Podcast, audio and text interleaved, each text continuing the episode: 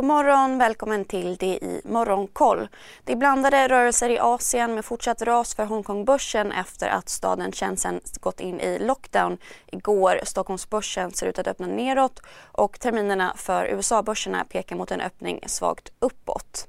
Tokyobörsen är upp 1% Shenzhenbörsen är ner 2% Shanghai-börsen är ner 2,5% och Hongkongbörsen rasar hela 4% efter stora förluster igår då techaktier paniksåldes på beslutet att stänga ner stan Shenzhen. Under gårdagen så rapporterades 3 507 nya fall jämfört med 1 337 dagen innan. Oljepriset faller ytterligare och backar närmare 4% allt eftersom investerare oroas över en fallande efterfrågan. Ett fat Brent kostar nu 101 dollar fatet. USA har meddelat sina allierade att Kina är berett att bistå Ryssland militärt. Det enligt uppgifter från tjänstemän med insyn.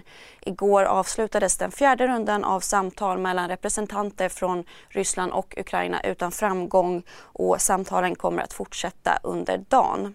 I övrigt så har vi fått kinesisk makrostatistik under morgonen som överraskat positivt. Industriproduktionen steg 7,5% i årstakt under perioden januari till februari jämfört med väntade 3,9 procent. Detaljhandeln ökade 6,7 procent jämfört med väntade 3 procent under samma period.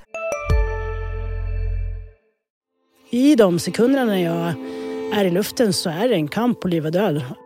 I Spotlights serie Vinnarskallarna minns stjärnorna själva de dramatiska svenska sportögonblicken.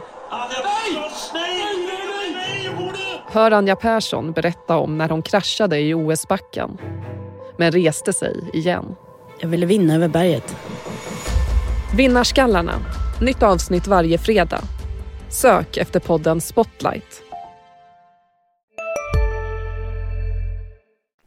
I USA var börserna ner vid stängning igår. Chiptillverkare gick svagt. Qualcomm föll över 7% och Nvidia backade 3,5 och Apple vars asiatiska tillverkare Foxconn pausat sin verksamhet i Shenzhen backade 2,7% den amerikanska tioåringen fortsatte upp och steg hela 15 punkter.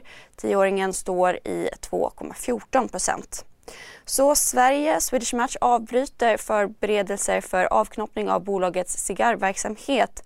Bolaget säger att den finansiella utvecklingen för cigarrverksamheten i USA inte nått upp till förväntningarna samtidigt som bolaget skyller på regulatoriska osäkerheter som verksamheten står inför i landet. Och nätbanken Avanza och kryptomäklaren Safello kan börja samarbeta kring kryptotjänster. Bolagen har ingått en avsiktsförklaring där Safellos tjänster, tjänster eventuellt ska kunna vara tillgängliga via Avanzas plattform.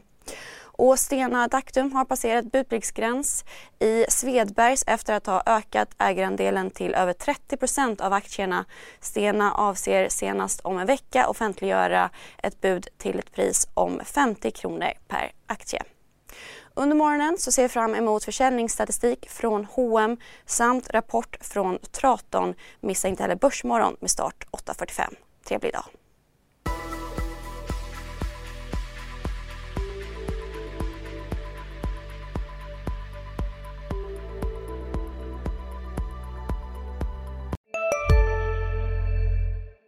CSRD. Ännu en förkortning som väcker känslor hos företagare.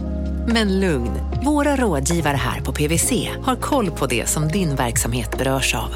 Från hållbarhetslösningar och nya regelverk till affärsutveckling och ansvarsfulla AI-strategier.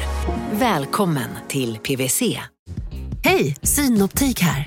Så här års är det extra viktigt att du skyddar dina ögon mot solens skadliga strålar. Därför får du just nu 50% på ett par solglasögon i din styrka när du köper glasögon hos oss på Synoptik. Boka tid och läs mer på synoptik.se. Välkommen!